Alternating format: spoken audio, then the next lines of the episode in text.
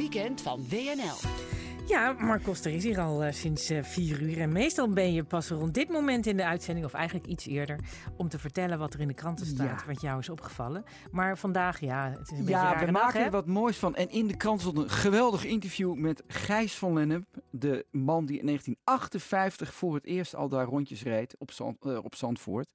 En uh, hij hangt nu even aan de telefoon. Want ja, ik, we hebben natuurlijk allemaal kippenvel gehad vanwege Max.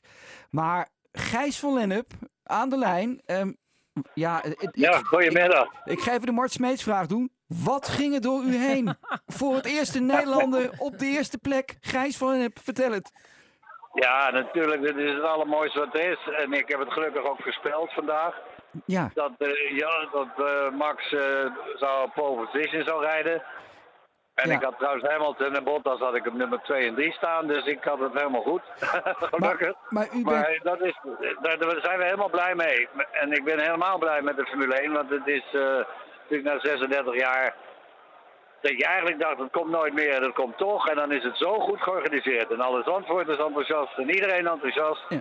En dan uh, praten we verder nergens meer over, dan gaat het gewoon gebeuren. We hebben al twee mooie dagen achter de rug. Prachtig weer. En nou nog één dag erbij. En uh, nou ja, Max, maar dat zeg ik altijd eerlijk.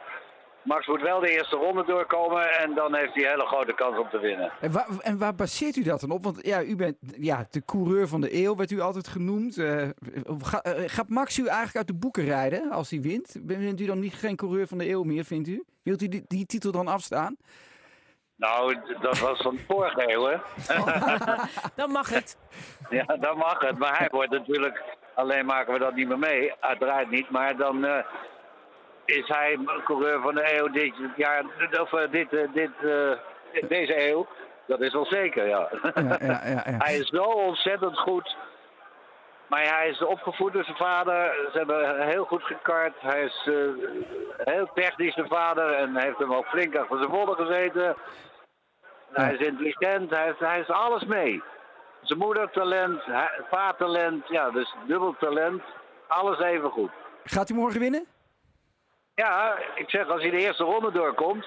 Maar wat is er dan met die eerste ronde wat hij dat dan zo beslissend kan maken? Nou ja, maar dat is vanwege, dat is altijd, voor iedereen geldt dat. Als je in de eerste ronde tegen elkaar rijdt en je moet naar de pits omdat je vleugel uh, kapot is, ja, dan, moet je, dan kan je nog eervolle vierde of vijfde worden, maar dan schiet het niet meer op. Ja. Dus je moet je vleugel heel houden op de eerste ronde. Maar ze rijden rij natuurlijk in de eerste bocht, in de tweede bocht en de derde bocht heel dicht bij elkaar. Dus Ja. je moet uit de rotzooi blijven, heet dat. Uit de En, eh, rotzooi blijven. en dat kan eh, Max ook goed. Alleen, ja, in Engeland werd hij aangereden door Lewis Hamilton, daar waar hij echt helemaal niks aan kon doen. Volgas buitenom en eh, Hamilton die uh, vergist zich gewoon. Ja, en daardoor tikt hij hem op de achterwiel aan. Ja, Ja. daar ben je uit. Ja. En als meneer Bottas te laat remt en dat die in de regen, die hadden ze een dag een we- absoluut moeten disqualificeren in race. Maar en vier auto's uit de strijd haalt, ja, kijk, dat kan je niet voor zijn. Nee, nee. Dat mag ook niet. Oké, dank u wel voor eh, het commentaar. Eh, nou ja, we hopen dat, eh, dat Max het gaat halen. En u bent er natuurlijk morgen weer bij, hè? Ik ben er zeker weer bij en we gaan een hele mooie dag tegemoet. Mooi weer. En laten we echt hopen dat Max wint. Dank u wel, dank u wel.